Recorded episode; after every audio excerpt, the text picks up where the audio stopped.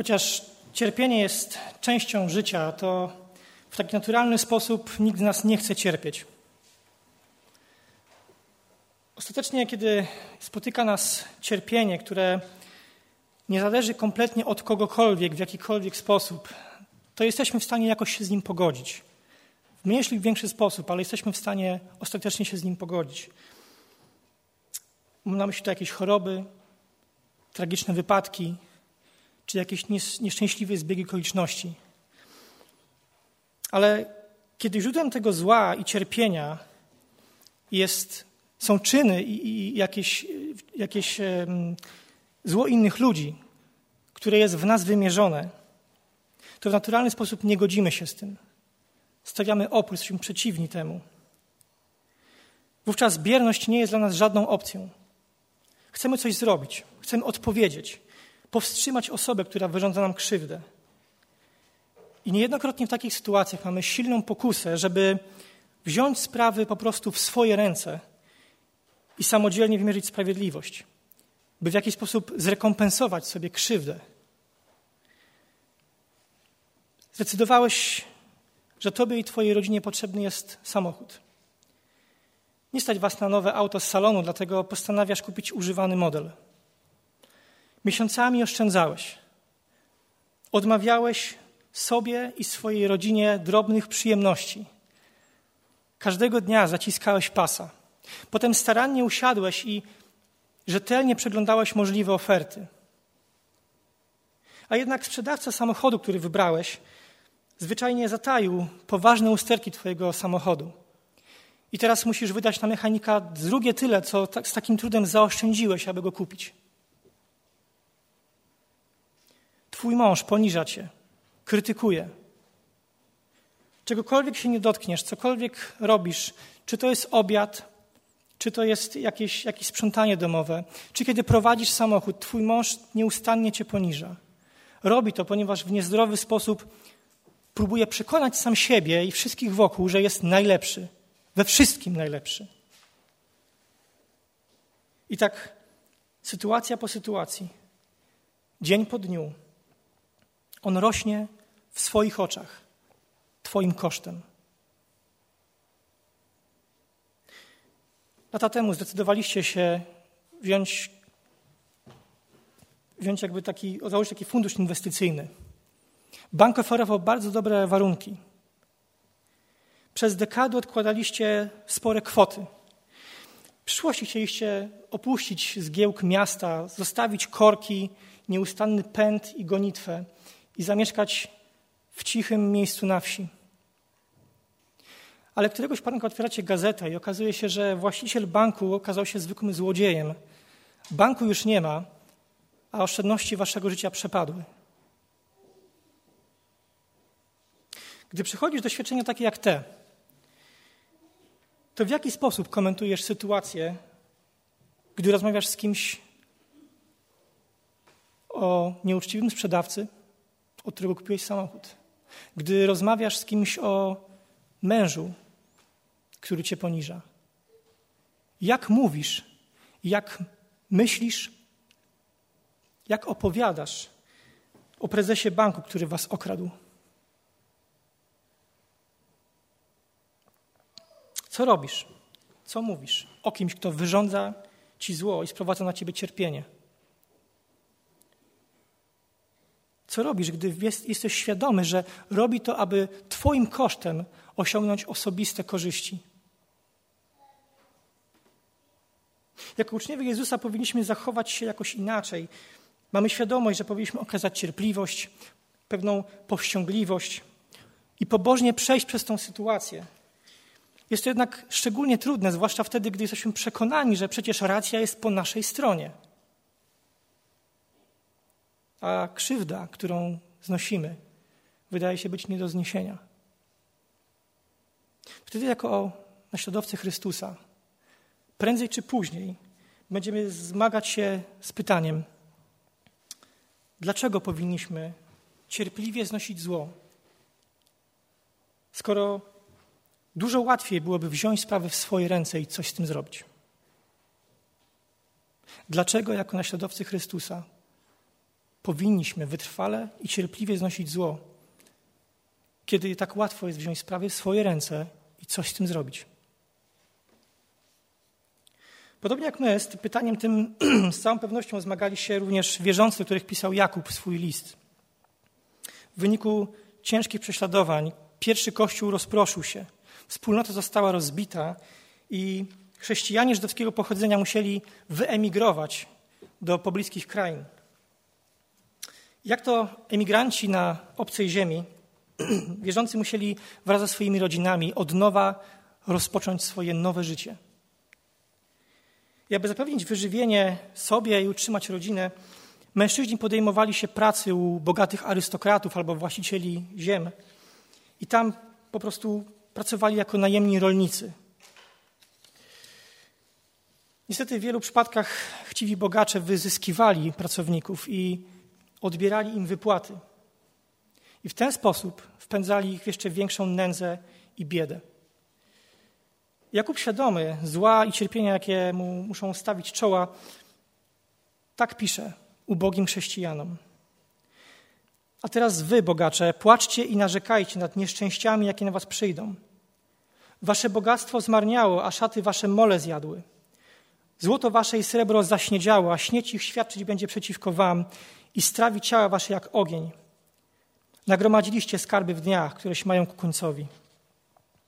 Jakub przemawia tutaj do bogaczy, którzy zatrudniali ubogich rolników. I zapowiada ich przyszłe i nie mogące w żaden sposób być zatrzymane przyszłe nieszczęścia. Jego słowa są, nie są ani trochę, w żaden sposób wezwaniem do pokuty czy nawrócenia, ale są deklaracją i zapowiedzią nadchodzącego Bożego Sądu. W dalszych słowach Jakub wymienia co najmniej cztery oskarżenia, cztery powody, które staną się podstawą potępiającego wyroku bogaczy. Pierwsze oskarżenie dotyczy nadmiernego i bezużytecznego nagromadzenia bogactw w niewłaściwym czasie. Jakub przygląda się jakby ich bogactwom i mówi tak: Zmagazynowane na lata zboże zgniło. Nienoszone miesiącami szaty i tuniki, wykwintne ubrania zżerają mole.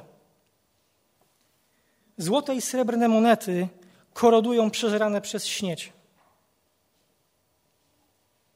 Jakub tutaj personifikuje, jakby ożywia dla nas tą śnieć pokrywającą monety i pozwala jej zeznawać przeciwko bogaczom.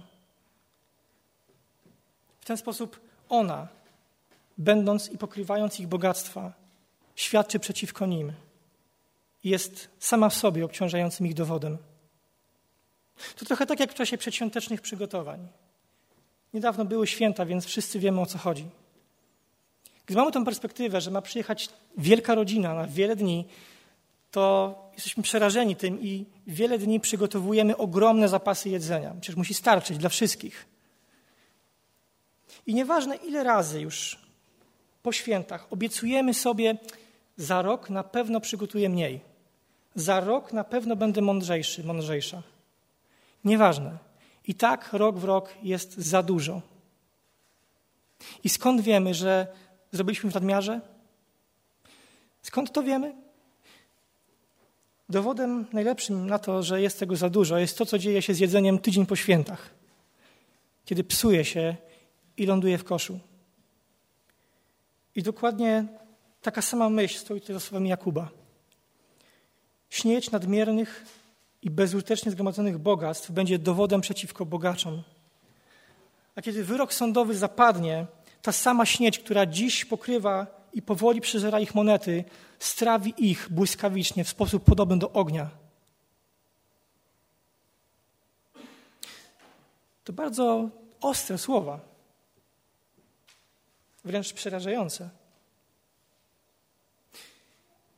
Tym bardziej jak siedzisz tutaj i myślisz sobie, no dobrze, jestem chrześcijaninem, no i mam duży dom, samochód, całkiem sporo oszczędności. Mam też trochę ubrań, niektóre nawet już tam widzę jakieś dziurki od moli. No i co to znaczy dla mnie? Czy to źle, że jestem bogaty? Czy to źle, że mam?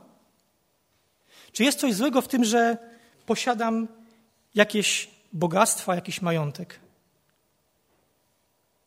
Czy spotka mnie to samo co tych bogaczy z tego powodu? Musimy pamiętać, że posiadanie majątku nie jest złe samo w sobie.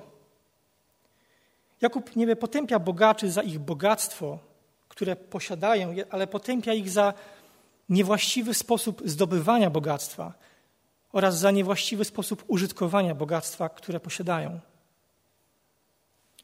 Pamiętajmy, że w Nowym Testamencie było bardzo wielu bogatych wierzących, którzy mając bogactwa, potrafili też właściwie go używać. Nie wiem, czy wiemy, ale osoby, które użyczały, które miały domy, użyczały go jako kościoły dla wierzących. A to znaczy, że mieli majątki, mieli posiadłości, byli w tam, jak na tamte czasy kimś bogatym. A zatem bogactwo samo w sobie nie jest czymś złym, ale sposób gromadzenia i sposób korzystania może być niewłaściwy. Właśnie dlatego w dalszej części swojej wypowiedzi Jakub pisze: Oto zapłata zatrzymana przez was robotnikom, którzy zrzeli wasze pola, krzyczy, a wołania żeńców dotarły do uszu Pana zastępów. Żyliście na ziemi w zbytku i rozkoszach, utuczyliście serca wasze na dzień uboju. Wydaliście skazujący wyrok i zabiliście sprawiedliwego. Nie opiera się wam. Jakub przedstawia tutaj dalsze oskarżenia. Drugie oskarżenie dotyczy zapłaty, której bogacze zwyczajnie nie wypłacili, którą zatrzymali i nie, od, i nie oddali robotnikom za ich pracę. Jakub po raz kolejny tutaj personifikuje i ożywia tym razem wypłatę robotników, która jakby za nich, za skrzywdzonych pracowników krzyczy do Boga i domaga się sprawiedliwości. Podobnie jak skrzywdzeni rolnicy wołają do Boga ze skargą. Drugi akt oskarżenia ujawnia niewłaściwy sposób zdobywania bogactw i jest wyraźną aluzją do Bożego przykazania z 24 rozdziału Księgi Powtórzonego Prawa. I czytamy tam tak: Nie czyńcie krzywdy najemnikowi, biedakowi i ubogiemu z Twoich braci albo z obcych przybyszów, którzy są w Twojej ziemi, w Twoich bramach. W tym samym dniu, kiedy wykonał swą pracę, dasz mu jego zapłatę. Przed zachodem słońca, gdyż on jest biedny i z tego się utrzymuje. Aby nie wołał do Pana przeciwko Tobie, bo miałbyś grzech. Widzimy wyraźną aluzję i niemal zapożyczenie niektórych zwrotów w słowach Jakuba. I tak w świetle Bożego Słowa oskarżeni bogacze popełnili grzech, ponieważ zwyczajnie okradli ubogich pracowników. Pozbawili ich dziennego wynagrodzenia. I jeszcze gorsze wydaje się być tu wskazanie motywacji, jaka popchnęła bogaczy do tego niewypłacania im dniówki. Trzecie oskarżenie Jakuba dotyczy luksusowego i rozpustnego sposobu życia bogaczy, którzy, przy, którzy jakby przygotowali samych siebie na potępiający dzień sądu. Jest to drugi przykład niewłaściwego sposobu korzystania z bogactw. Bogacze w pełni skoncentrowali swoje życie na luksusie, na wygodzie, na komforcie. To, co nabywali za pieniądze, miało służyć wyłącznie zaspokojeniu ich pragnień. Miało realizować ich marzenia. Miało być urzeczywistnieniem ich rozpustnych zachcianek. Jakub sięga tutaj po taką bardzo sarkastyczną metaforę. Tak jak bydle celowo tuczy się na dzień rzezi, tak niepohamowane, niepohamowana zachłanność bogaczy już utuczyła i przygotowała ich na Boży Sąd. Ostatnie, czwarte oskarżenie Jakuba dotyczy nędzy, w jaką przez swą zachłanność bogacze wpędzili bezradnych rolników. Wcześniej, w drugim rozdziale listu Jakuba, bogaci arystokraci czytamy, że wykorzystywali sądy, aby usankcjonować prawnie swój nieuczciwy wyzysk. Byli bogaci, mieli wpływy, więc mogli przekupić sąd, mogli wpłynąć na wyrok sądu, aby pozostać bezkarnymi. I to się działo. I w ten sposób sądy w rękach bogaczy stały się takim pseudolegalnym systemem wyzysku.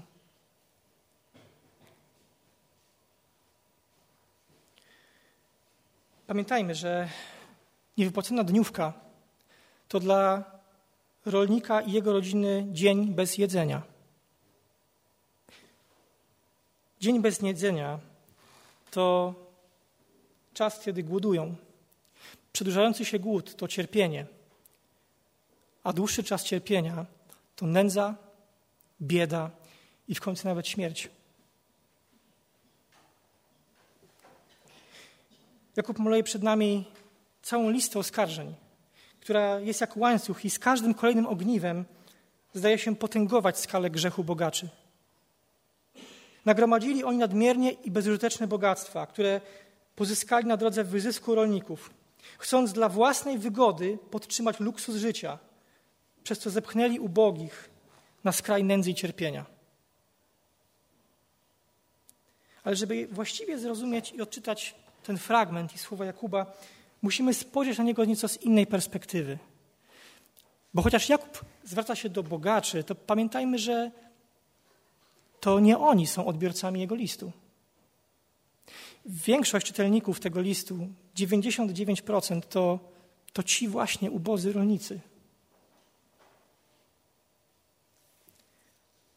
A zatem ostre i skierowane przeciwko bogaczom słowa Jakuba dla ucie, ucie, uciemiężonych rolników stają się słowami nadziei i pociechy.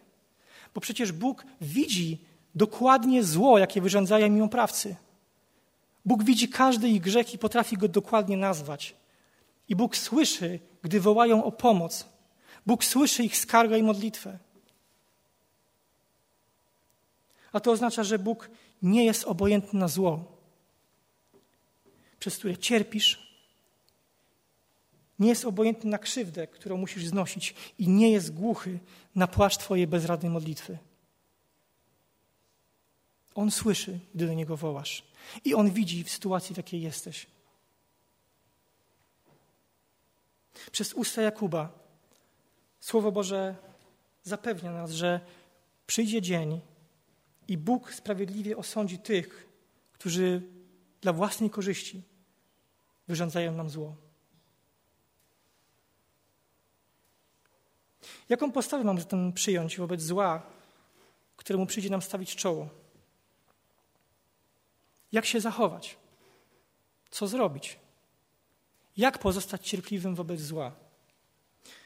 Na to pytanie Jakub pisze dalej. Przeto bądźcie cierpliwi, bracia, aż do przyjścia Pana. Bo oto rolnik cierpliwie oczekuje cennego owocu ziemi, aż spadnie wczesny i późniejszy deszcz. Jakub tutaj wzywa swoich czytelników, wzywa tak naprawdę nas do postawy cierpliwości, do cierpliwego znoszenia zła, które pochodzi od innych, które wyrządzają nas, nam inni, ponieważ w perspektywie naszego życia mamy mieć moment, gdy Pan powróci. W pewnym sensie jest to pocieszające, ponieważ choćby ta próba się przedłużała, nie będzie trwała wiecznie. Jest moment, w którym cierpienie się skończy. Jest moment, w którym Bóg powróci i przerwie ten, ten impas, w którym tkwimy. Jakub mówi wyraźnie: pozostańcie cierpliwi, aż do dnia przyjścia Pana. Jakub chce jakby pokazać nam pewną ilustrację. Zabiera nas do obrazu, który, co ciekawe, jest bardzo bliski jego czytelnikom, ponieważ byli rolnikami, zatrudnieni na roli. I mówi: Popatrzcie na rolnika, popatrzcie, jak wygląda wasze życie, przyjrzyjcie się nawet sami sobie. Oto rolnik cierpliwie oczekuje cennego owocu ziemi, aż spadnie wczesny i późniejszy deszcz. Jakub mówi: Zobaczcie, całe wasze życie, cała wasza praca na roli jest tak naprawdę uzależniona od pewnych pór, pór roku. Ma to takie znaczenie, że tam w Izraelu w tamtych czasach, zresztą dzisiaj tak jest, e, jakby były pewne konkretne pory, w których rolnicy decydowali się i musieli dokonać zasiewu zboża i zbiorów, żniw zboża.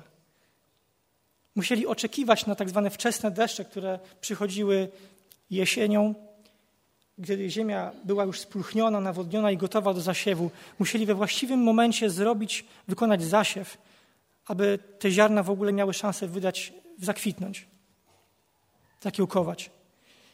Potem czekał długi okres oczekiwania, przychodziła zima i rolnik musiał czekać, czekać, cierpliwie czekać, aż na wiosnę przychodziła pora późnych deszczów, które zalewały ziemię i pozwalały szybko wzrastać zasianym ziarnom. I kiedy zboża wyrosły, przychodził czas żniw. Jakub mówi: Zobaczcie, w waszym doświadczeniu są momenty, w których musicie po prostu czekać. Czekać na to, co zasialiście i czekać na moment zbiorów. Co ważne, Jakub mówiąc to też wskazuje, że ten moment przyjścia pory deszczowej, późnych i wczesnych deszczów jest pewny. To jest cykl natury, który powtarza się w kółko i w kółko, jest całkowicie powtarzalny i pewny. Słowa Jakuba więc tchną nadzieję, ponieważ tak jak rolnik cierpliwie oczekuje na przyszły zbiór plonów, tak my mamy cierpliwie czekać na przyjście naszego Pana Jezusa Chrystusa, które jest tak pewne, jak cykl natury, jak pory roku, jak czas deszczów wczesnych i późnych, jak dla rolnika czas zasiewu i zbiorów.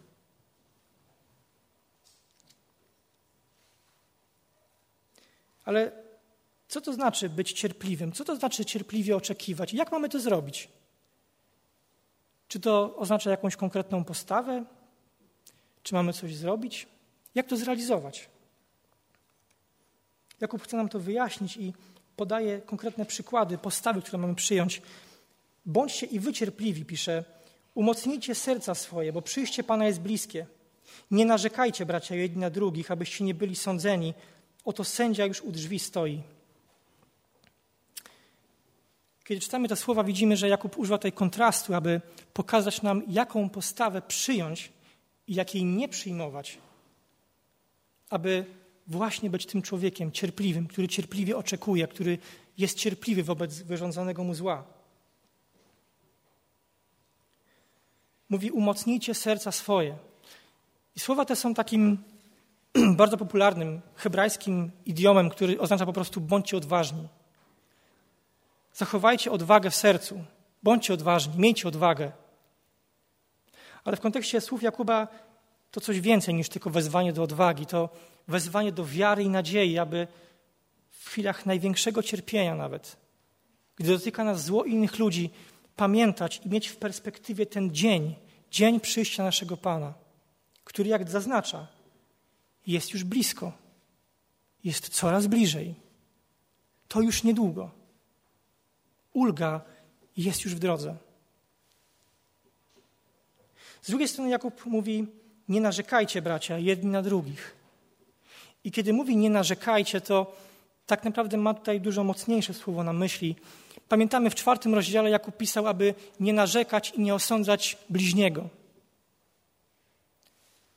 I tutaj używa jeszcze mocniejszego słowa, które oznacza nie tylko jakieś tam narzekanie, ale wręcz oczernianie, bluźnienie, przypisywanie komuś najgorszych możliwych cech, oskarżanie go o najgorsze postawy i osądzanie go o słowa, które pełne goryczy wylewają na kogoś złość i frustrację. Chodzi o słowa odwetu, w których po prostu mieszamy kogoś z błotem, by ulżyć sobie. Jakub mówi: Nie róbcie tego. Nie oczerniajcie jedni drugich. Nie oczerniajcie tych w kontekście tego fragmentu, z powodu których cierpicie zło. Dlaczego? Ponieważ jeżeli to zrobicie, to Bóg, który już niedługo powróci, który już stoi u drzwi, chociaż powróci jako sędzia waszych oprawców, przyjdzie także do was jako wasz sędzia. On osądzi zło, które wam wyrządzono, ale osądzi także zło, które wy wyrządziliście im.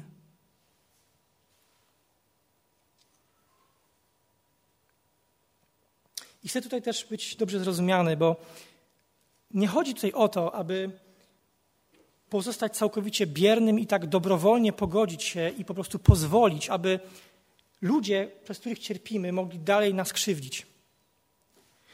Słowo Boże nie wzywa i nigdy nie wzywało do tego, aby po prostu biernie patrzeć i czekać, aż ktoś nas zniszczy. Znam pewną historię kobiety, która w swoim małżeństwie bardzo cierpiała, ponieważ mąż nad nią się znęcał. I w swojej bezradności w którymś momencie przyszła do kościoła, poszła do starszych zboru i zapytała ich, co ma zrobić w takiej sytuacji. Co w świetle Bożego Słowa mam zrobić w takiej sytuacji? Jak mam się zachować? I ci starsi powiedzieli jej, że jest napisane, aby bez słowa pozyskała swojego męża i była mu pod, podległa, by była mu poddana. I ta kobieta w swojej prostocie, chcąc sprostać temu, co mówi Boże Słowo i być posłuszna tej radzie, wróciła do domu i robiła najlepiej to, jak mogła, o co poprosili, co zalecili jej starsi tego kościoła. I pewnego dnia, kiedy mąż pobił ją skrajnie brutalnie, po prostu zatłukł ją na śmierć.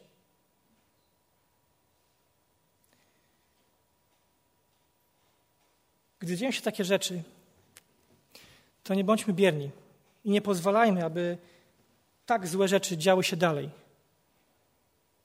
W takich sytuacjach ratujmy się i uciekajmy.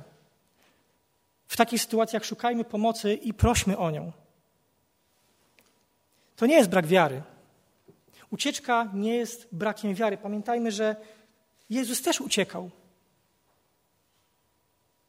Rodzice Jezusa uciekali przed gniewem Heroda, przed złem, który chciał wyrządzić Jezusowi.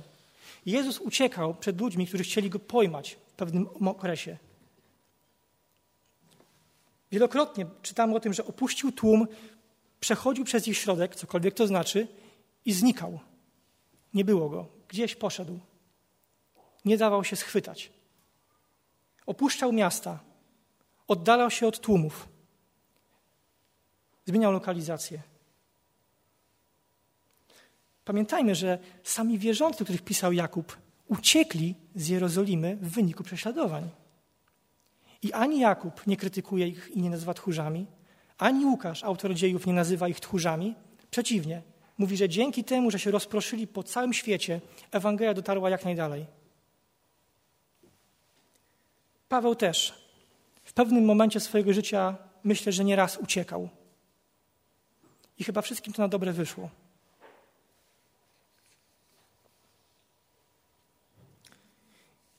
Jakub nie rozmawia z nami o tym przez ten fragment. Czy uciekać, czy zostać, czy zostać chwilę, czy zostać dłużej. Jakub rozmawia z nami o tym, w jaki sposób zachowamy się, kiedy przez krótki czas, być może tylko przez jeden dzień, nie mamy wyjścia i musimy znieść zło od innych.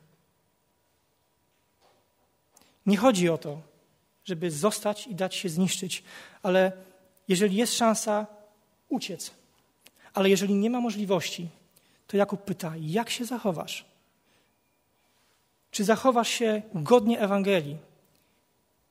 Czy w czasie takiej próby postąpisz jak prawdziwy uczeń naśladowca Jezusa Chrystusa? A zatem, gdy oszukuje cię sprzedawca samochodu, cierpliwie znoś zło i nie poniżaj go ani go nie oczerniaj.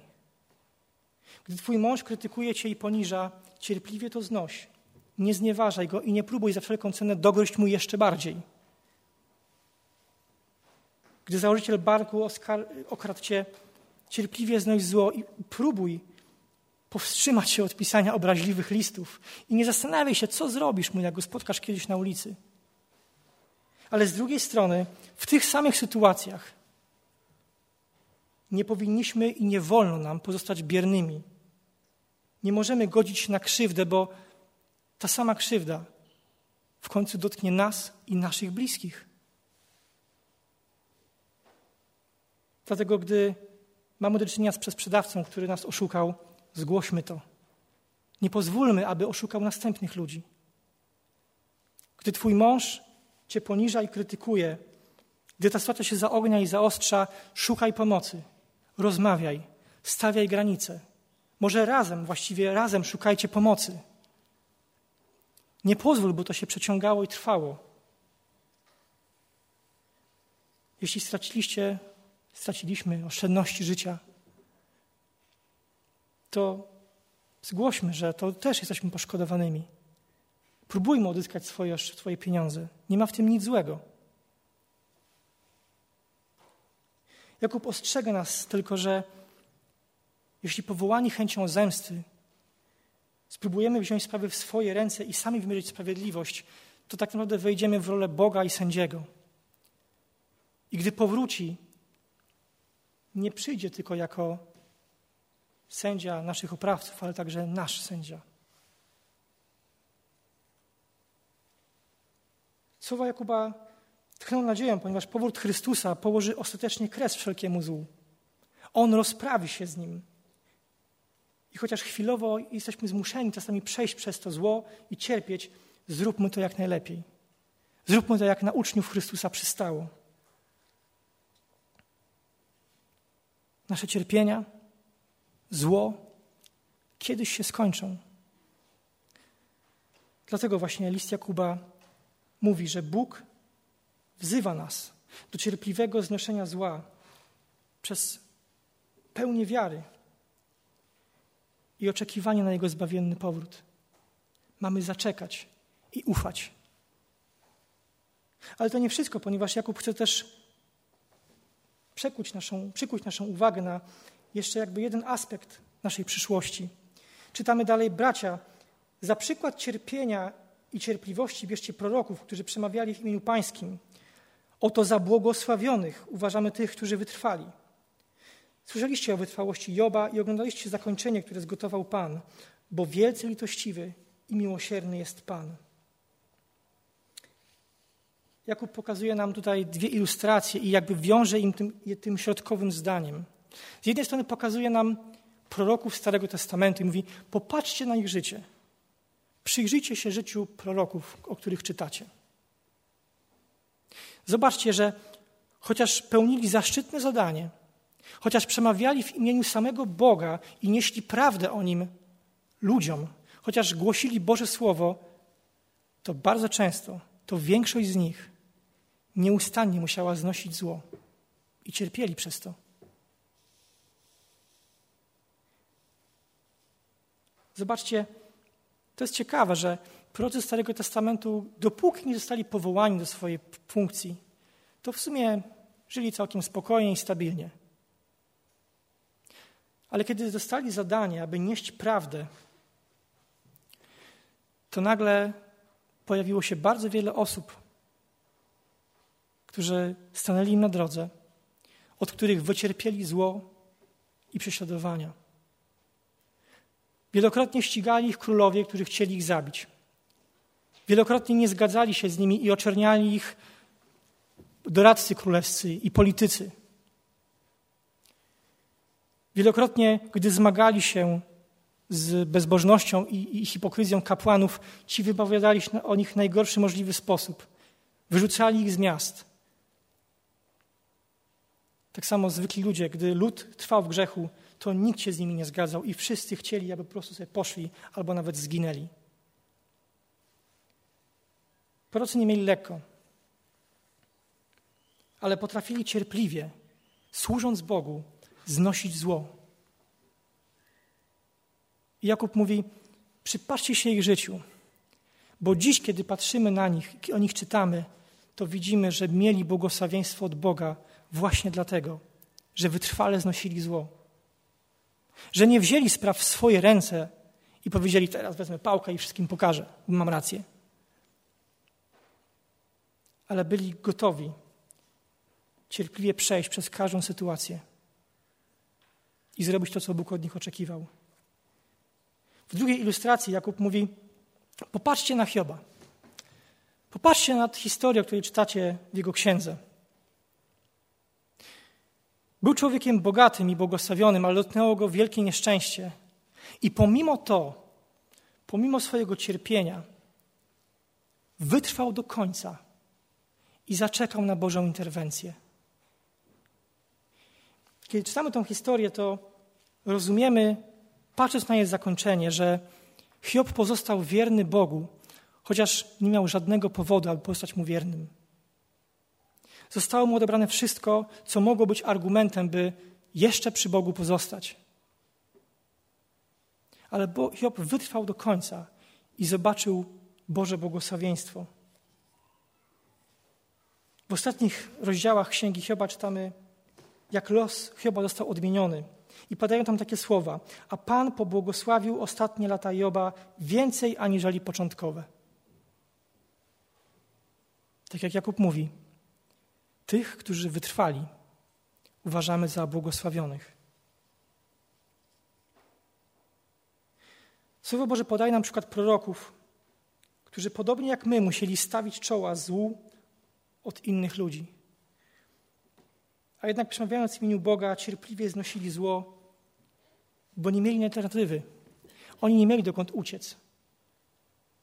I stawili temu czoła i przeszli przez to. Mimo trudności, cierpienia, Bóg był przecież z nimi i błogosławił ich. Przez przykład Hioba jesteśmy natomiast wezwani do wytrwałości w cierpieniu, gdy nie ma alternatywy, gdy nie ma dokąd uciec, gdy nie ma jak uwolnić się od niego. I czytamy: Bóg przecież jest miłosierny i współczujący. I ten sam współczujący i miłosierny Bóg, który ostatecznie odmienił los Hioba, może odmienić nasz los w każdych trudnościach, w każdym cierpieniu, w każdym złu, który nas dotyka.